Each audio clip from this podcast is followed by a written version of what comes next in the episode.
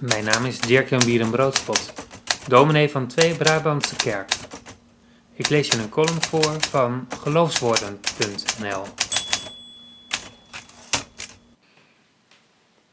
Vaderdag. Na de moeders met hun eigen dag zijn ook de vaders aan de beurt. Ik vraag me verwonderd af waarom er zoiets bestaat als Moeder- en Vaderdag. Merken als Black Decker, Hugo Boss en Weber verdienen er nu goudgeld mee. Een snelle zoektocht op het internet leert me dat Vaderdag in 1909 is ontstaan als eerbetoon aan de alleenstaande vader William Jackson Smart. De bedenkster van deze dag realiseerde zich hoeveel haar vader heeft opgeofferd. Al die masculine cadeaus zijn dus eigenlijk een beetje misplaatst, als ik het goed begrijp. Niets mis mee natuurlijk. Elke gewaardeerde verrassing is wel besteed. Maar dat gaat juist om de zachte kant van de vaders die geëerd wordt. Vaderdag als eerbetoon. Ik moet denken aan het vijfde gebod van de tien geboden. Eert uw vader en uw moeder. Daar wordt in orthodoxe kringen nog wel eens mee geschermd. Er gaat dan gemakkelijk een grimmige boodschap van uit. Wee je gebeente als je je niet aan dat gebod houdt en je vader niet gehoorzaamt. Maar op die manier schermen met geboden is denk ik meteen ook Gods naam ijdel gebruiken. Dan span je hem wel heel verkeerd voor je karretje. Misschien is het vreemd genoeg vooral ook een gebod voor ouders zelf.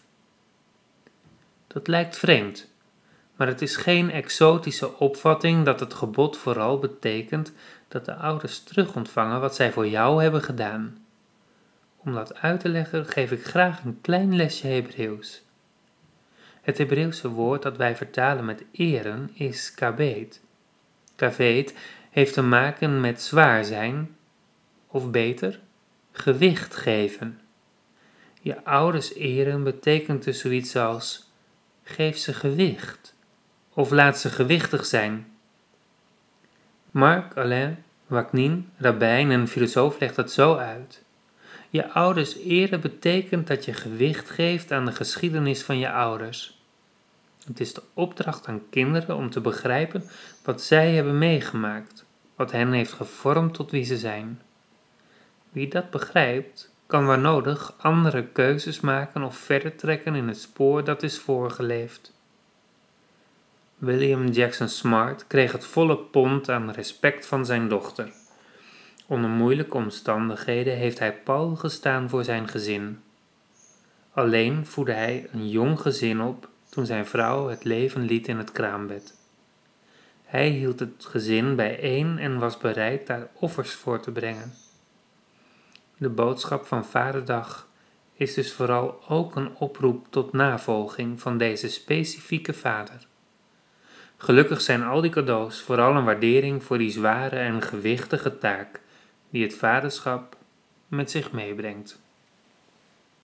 Je luisterde naar een column die ik schreef voor geloofswoorden.nl. Vond je het de moeite waard? Deel het gerust met anderen. Graag tot een volgende keer.